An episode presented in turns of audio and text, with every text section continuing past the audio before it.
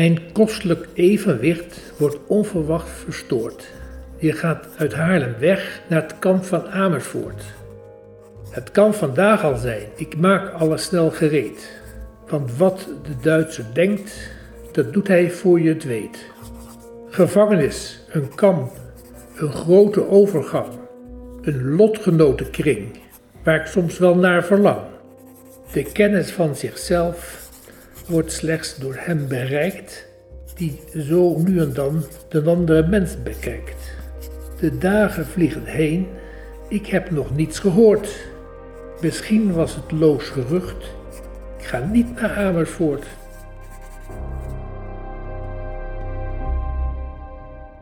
Dit is een deel uit een gedicht van Jan de Roorda, vlak voordat hij naar kamp Amersfoort wordt gestuurd op 20 maart 1942. Voorgelezen door zijn kleinzoon. Roorda is medeoprichter van Medisch Contact, de geheime verzetsorganisatie voor artsen. Er zijn nog tien artsen in diezelfde periode opgesloten in kamp Amersfoort. Zij worden niet geheel onderworpen aan het kampregime. Ruim een jaar later worden er bijna 300 artsen gevangen gezet in kamp Amersfoort. Maar zij worden niet hartelijk behandeld.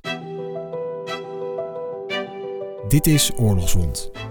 Een audioverhaal van Nationaal Monument Kamp Amersfoort over het artsenverzet in Nederland tijdens de Tweede Wereldoorlog. Dit is aflevering 2. Artsen in het gevangen.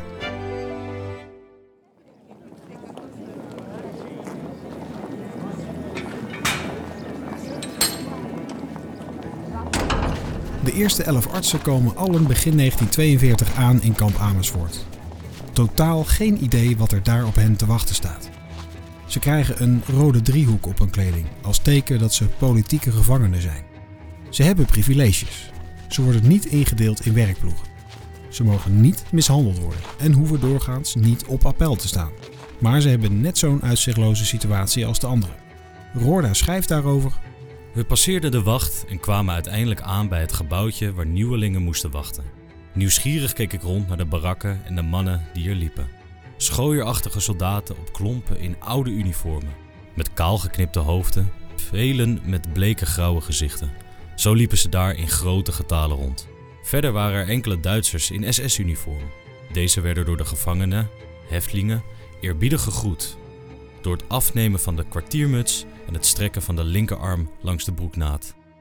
Niet aanlenen! werd mij plotseling toegebruld. En toen besefte ik opeens de grote verandering die mijn toestand had ondergaan. Roorda komt te werken in het rivier, de ziekenbarak. Net zoals de andere artsen die in 1942 gevangen worden gezet in kamp Amersfoort. Ze maken wc's schoon, poetsen de wasbakken en dweilen de vloeren. Als dat klaar is, doen ze, tussen aanhalingstekens, echt dokterswerk. Zoals verbinden en medicamenten toedienen.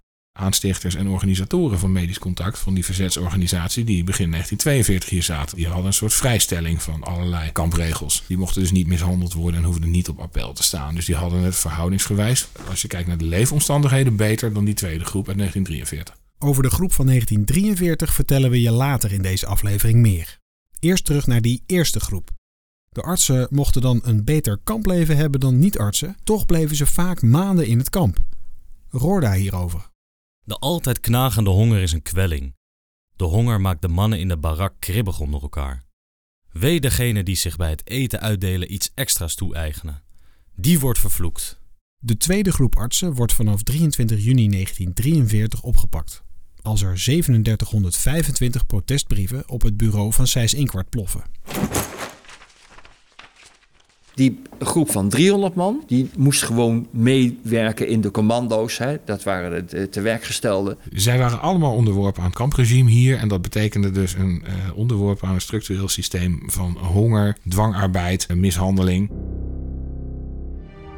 Voordat de artsen kamp Amersfoort binnenkwamen, kregen ze van de bezetter de kans om aan hun straf te ontkomen. Het enige wat ze daarvoor moesten doen was het ondertekenen van een brief. Alleen dat wordt door medisch contact gezien als verraad. Wij staan als één man tegen de bezetter. Je tekent die brief niet. En zo geschiedde. Verrassend is een estafettebericht van Medisch Contact van juli 1943 dat melding maakte van het feit dat een groep van 55 gearresteerde artsen voor aankomst in het kamp vrijlating is aangeboden op voorwaarde dat zij verklaarden onze brief van 23 juni te herroepen. Helaas heeft deze groep de hen aangeboden kans wel gegrepen. In verband met bovengenoemde heeft het MC volgende stipt op te volgen richtlijnen. 1. De verklaring waarbij men de brief herroept wordt niet getekend, dat is verraad. 2. Men mag zich niet bereid verklaren het formulier van de artsenkamer te tekenen en te verzenden. 3. Wel mag men verklaren dat het men betreurt dat de vorm van de brief als beledigend kon worden opgevat en dat men geen zins de bedoeling had beledigend tegen de persoon van de Rijkscommissaris op te treden. Arts en medisch contactoprichter Jean Eefting Schattenkerk hierover. En toen wisten wij, want toen werden er enorm veel artsen opgepikt, uit ziekenhuizen gehaald, uit hun spreekkamer gehaald. en wij merkten dat die actie zo uh, ja, indringend was, dat vooral ook de artsen, vrouwen enzovoort zeiden, ja maar nou gaat het mis, we durven niet meer. En dus ons eigen front wankelde enorm. We dachten, we halen het niet. En via via hoorden wij toen dat de moffen eigenlijk, althans bepaalde moffen, de SD enzovoort, er meer mee in zat nog dan wij. Want die, die merkten wel dat dit artsenverzet, dat dat ja, overal in het land waren de artsen. Dus er was eigenlijk geen groep waar als er iets gebeurde, zo over het hele land ineens iets was met de artsen. En dat hadden de moffen natuurlijk ook door. Je dacht, ja, wat kan er allemaal wel niet uit voortkomen? Overleveringen van het kampleven van artsen kennen we enkel van de memoires die later zijn verschenen. Dat geldt ook voor Erik Lammers van Buren. Ik ben uh, Erik Lammers van Buren, zoon van uh, Siegfried Menno Lammers van Buren, die in uh, kamp Amersfoort een aantal weken heeft gezeten. Ik ben de derde zoon en na mij kwam er nog een meisje, dus we waren tenslotte met vier kinderen. Zijn vader heeft in kamp Amersfoort gevangen gezeten. Recent is er een briefje opgedoken waarin zijn vader op een velletje papier per dag in staccato bijhoudt wat hem overkomt. Heb je dat gezien? Dat documentje? Uh, nee. Ik heb het ook niet meer, want uh, het, ligt nu, het ligt nu in kamp Amersfoort. Maar, even kijken. Een kopie. Nou ja, dus deze krabbel, dit, ja. bijna onleesbaar dat ligt nu in kamp Amersfoort. En, en dit is een soort dagboekje wat hij heeft bijgehouden. En dat is het enige wat wij weten. Maar dat is bijna niet te ontcijferen. Maar hier staan de data. 25 juni tot, tot, tot 7 juli 2003 en, 1943. Het, het enige wat recent boven water gekomen is, uh, omdat die tentoonstelling in uh, kamp Amersfoort gewijd werd aan het artsenverzet is een uh, klein briefje waar hij aantekeningen op heeft gemaakt van hoe hij kamp Amersfoort die weken beleefd heeft. En we hebben er dus, of dus niet dus, maar we hebben daar eigenlijk nooit over echt doorgepraat. Althans, ik kan me er niks van herinneren. Het zal best eens een keer te sprake zijn geweest, maar ik weet dat niet meer. Gesproken werd er amper over de oorlog. Dat blijkt maar weer. Hierover gaat aflevering 4. Martijn da Costa, kleinzoon van huisarts Bart Westerbeek van Eerten, heeft ook niet veel informatie over zijn grootvader. We lopen met hem over het buitenterrein van kamp Amersfoort, waar hij vertelt dat zijn grootvader zelfs twee keer gevangen wordt genomen. De eerste keer, in september 1941, is vanwege een vergeldingsactie na een sabotagedaad, waar de dader zich niet had gemeld. Om de dader onder druk te zetten werden er tien man gearresteerd en naar kamp School en later naar kamp Amersfoort gestuurd. En de tweede keer was hij, uh, werd hij gearresteerd omdat hij als uh, huisarts uh, brief had gestuurd aan Zijs Inkwart samen met duizenden andere huisartsen, waarin hij meldde dat hij geen lid wilde worden van de artsenkamer, omdat hij de eed op Hippocrates had afgelegd. En dat vond hij op geen enkele wijze overeenkomen met de nazi-ideologie. Bart Westerbeek van Eerten, geboren op 25 september 1888 in Varsenveld, is huisarts in Hummelo. Hij volgde het gymnasium in Doetinchem. Hij is gepromoveerd aan de Rijksuniversiteit in Utrecht. Lange tijd is hij voorzitter van het bestuur van het Wilhelmina ziekenhuis in Doetinchem. Westerbeek van Eerten komt op 30 juni 1943 kamp Amersfoort voor de tweede keer binnen en krijgt kampnummer 465. Lang zal hij niet in het kamp zitten. Want een week later, op 7 juli, wordt hij vrijgelaten. Wat doet het met zijn kleinzoon om hier op het terrein van kamp Amersfoort rond te lopen? Nou, eigenlijk misschien steeds meer. En dat heeft vooral te maken met, uh, nou ja, je wordt, uh, je wordt ouder, je kijkt uh, terug op, op je jeugd. En ik heb mijn grootvader goed gekend. Hij is, was van 1888 en is in 1975 overleden. En dan realiseer je als je hier vaker komt dat hij eigenlijk nooit heeft willen spreken of überhaupt heeft gesproken over zijn verblijf in kamp Amersfoort. En als je dan hier bent, dan denk je, goh, wat heeft hij hier doorstaan? En ja, wat, wat, wat zou dat zijn leven hebben beïnvloed? Uh, als, als kleinzoon van hem heb ik eigenlijk nooit iets gemerkt van zijn uh, trauma's. Ik weet ook niet of hij die uh, heeft opgelopen. Ja, dat zijn allemaal vragen. En mijn ouders die zijn ook niet meer in leven. Dus dat soort vragen kun je ook niet meer stellen. Anders dan aan mijn zusje of mijn broer. Maar ook zij weten daar geen, geen antwoord op. In een memoire schrijft Westerbeek van Eerten over het dagelijks leven op het kamp. Een beetje klungelen, een beetje harken. Voeten zeer pijnlijk door de klompen. Regelmatig worden nummers opgeroepen voor de ondervraging bij de Sicherheitspolizei. Er is een troep gestraften met enige joden in het kamp en een van de gestraften heeft met een schop het prikkeldraadstuk geslagen en is ontsnapt. Hij heeft een voorsprong van anderhalf uur. De traditionele straf is in appelhouding staan tot de vluchteling is gevonden en geen eten. Wij hopen dat de vluchteling niet wordt gevonden. Het aanzien van doodknuppelen is niet hartverheffend. Ongeveer 9 uur mogen wij, doktoren, terug. De andere pas om half twaalf. Al die uren op klompen staan is een beproeving. In deze memoire komt de behandeling van Joodse gevangenen aan de orde.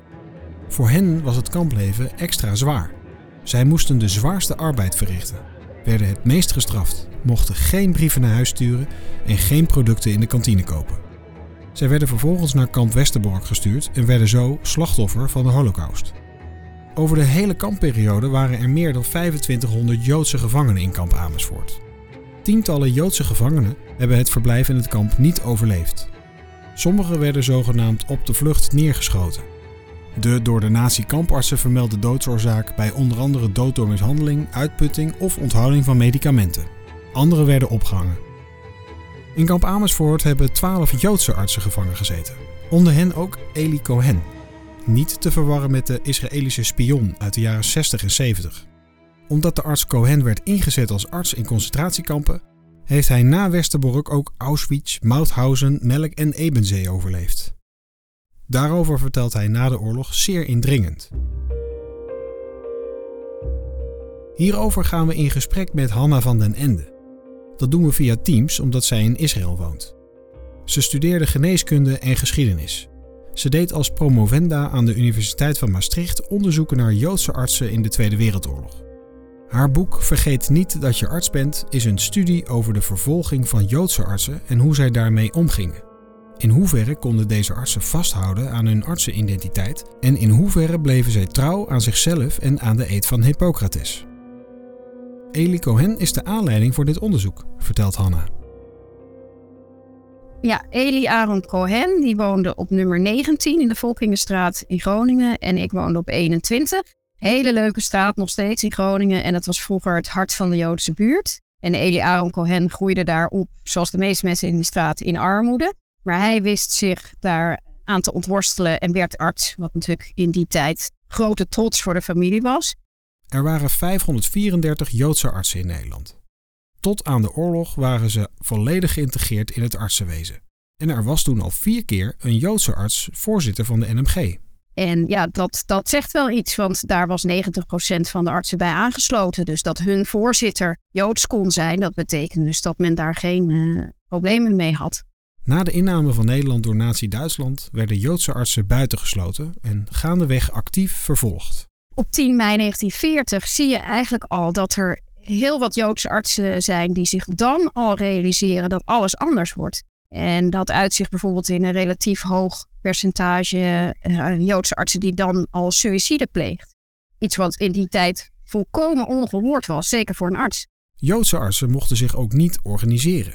Zij werden vanuit medisch contact nog wel financieel ondersteund men was echt collegiaal. Dat was ook van voor de oorlog al. En men voelde zich echt onder elkaar artsen. En dan maakt het in Nederland althans niet uit of je nou katholiek, protestant of joods bent. Je bent uh, als eerste collega van elkaar. Maar men, men heeft vanuit medisch contact wel ook uh, financiële hulpacties bijvoorbeeld voor Joodse artsen uh, opgezet. Zij waren dan wel niet georganiseerd, maar een vorm van verzet pleegden zij wel. Van den Ende noemt dat medische sabotage. Maar um, wat, waar eigenlijk het levendeel van mijn boek over gaat, is uh, het medisch verzet. Dus medische sabotage heb ik dat dan genoemd. Um, waartoe de artsen overgaan op het moment dat ze merken dat de normaliteit bewaren niet meer genoeg is. Uh, en dan praat ik over de deportatiefase. Dat um, ze dus proberen met hun medische middelen hun patiënten te behoeden voor deportatie en uiteindelijk ook zichzelf. En dan moet je denken aan um, hele verregaande, bizarre medische handelingen, zoals nepoperaties. Het, het, anseneren van ziekte terwijl iemand gewoon gezond is. Omdat dat hem misschien nog uh, voor deportatie kan behoeden. Het feit dat Joodse artsen dankzij hun beroep een grotere overlevingskans hadden, heeft jaren later nog veel pijn en afschuw veroorzaakt bij Eli Cohen. Maar niet voor de andere artsen. Ze konden vaker veel langer voor deportatie behoed worden. Eh, ze konden zich vaker niet Joods laten verklaren. Dus op al die fronten hadden ze meer kansen. En dan in de kampen zelf ook. Lou de Jong heeft al geschreven dat eh, bij aankomst op het station in Auschwitz, op dat perron daar, dat geroepen werd: Ärzte und Pfleger austreten. Die werden apart gezet. En uh, ja, als je bijvoorbeeld Eli Cohen of Alice Hertzberger, die daar ook uh, over heeft geschreven, leest en spreekt, die zeggen echt: Ik heb mijn leven te danken aan dat arts zijn. Ik had daardoor zo'n geprivilegeerde positie, zelfs in het kamp. Het simpele feit dat je in zo'n ziekenbarak kon werken, waar het iets warmer was, waar de omstandigheden om te werken natuurlijk minder erbarmelijk waren dan ergens in een of ander commando buiten. En het eten iets beter, dat gaf je al veel meer overlevingskans. Dus ik heb gezien dat van de 534 uh, Joodse artsen er 253 zijn gedeporteerd. En dat is natuurlijk al veel minder dan van de totale Joodse populatie in Nederland, waarvan ruim 75% gedeporteerd is. En als je dan kijkt naar die gedeporteerden, maar 1 op de 22 Nederlandse Joden die gedeporteerd zijn, is teruggekomen uit die kampen. 1 op de 22. En van de artsen 1 op de 3. Dus ja, dat is een, een, een levensgroot verschil.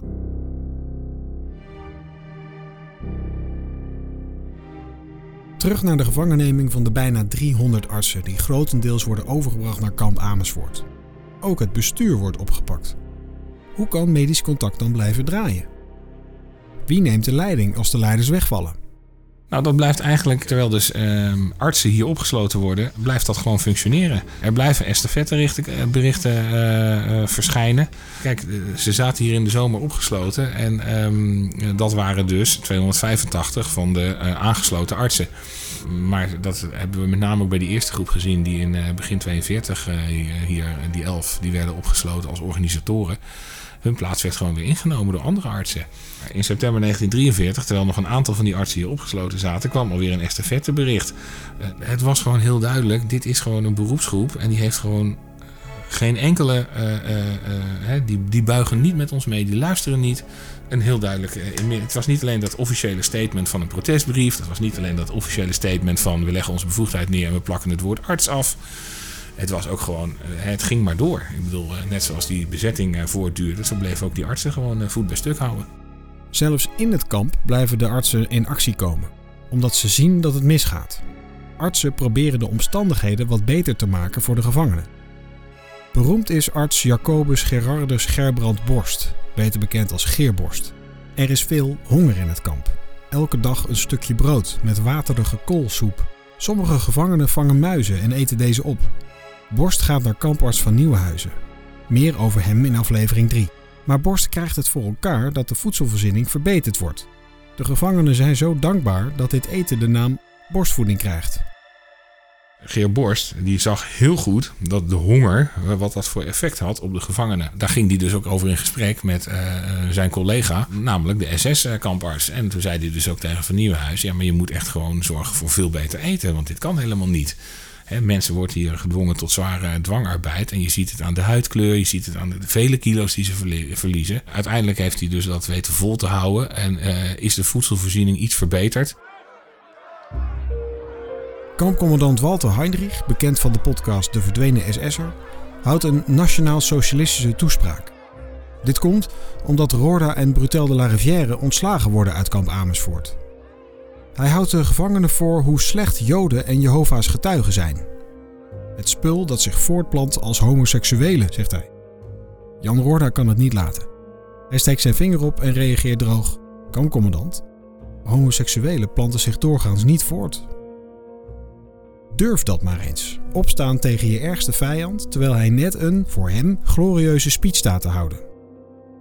Emeritus hoogleraar medische geschiedenis Eddie Houwaard hierover. Uh, ja, ik denk toch dat vanuit een bepaald standbesef naar niet-dokters keken. Uh, of dat nou een Nederlands burger was of een uh, Duitse kampcommandant. Dat maakte bij wijze van spreken niets uit. Dus een, zeker vanuit een bepaalde autoriteit, dus de gedachte dat je vanuit een bepaalde autoriteit zelfs een kampcommandant kan overtuigen of mag tegenspreken, zie ik zo'n man als Borst met een, gerespecteerd figuur.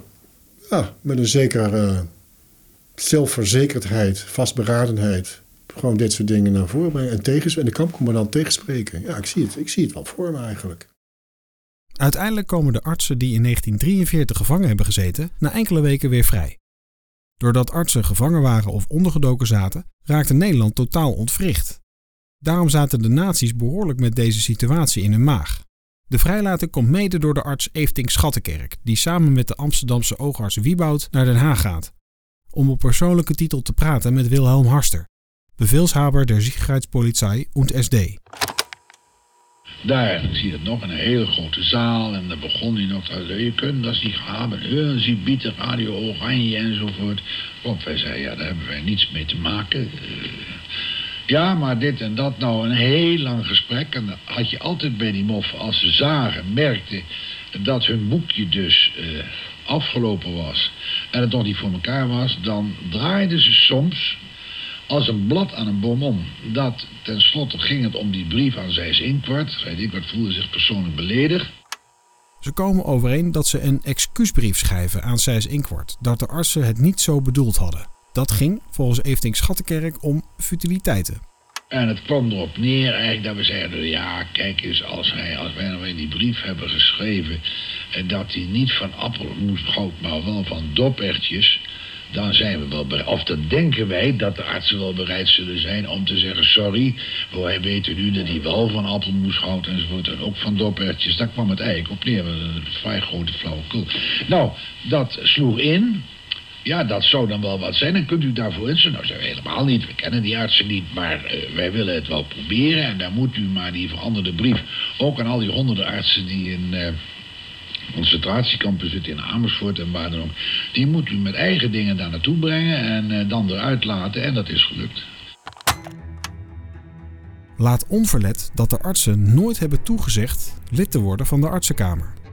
Niet alle artsen kozen ervoor om in het verzet te gaan. Sommige artsen kozen de kant van de bezetter.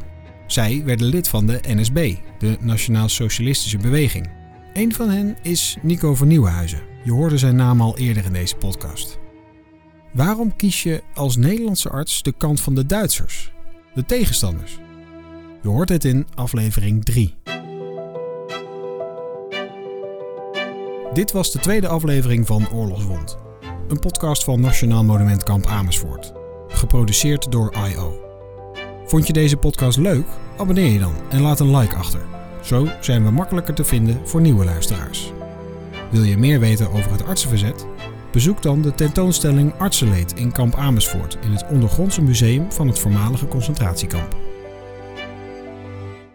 Deze podcast is tot stand gekomen met hulp van het Veefonds en de gemeente Amersfoort.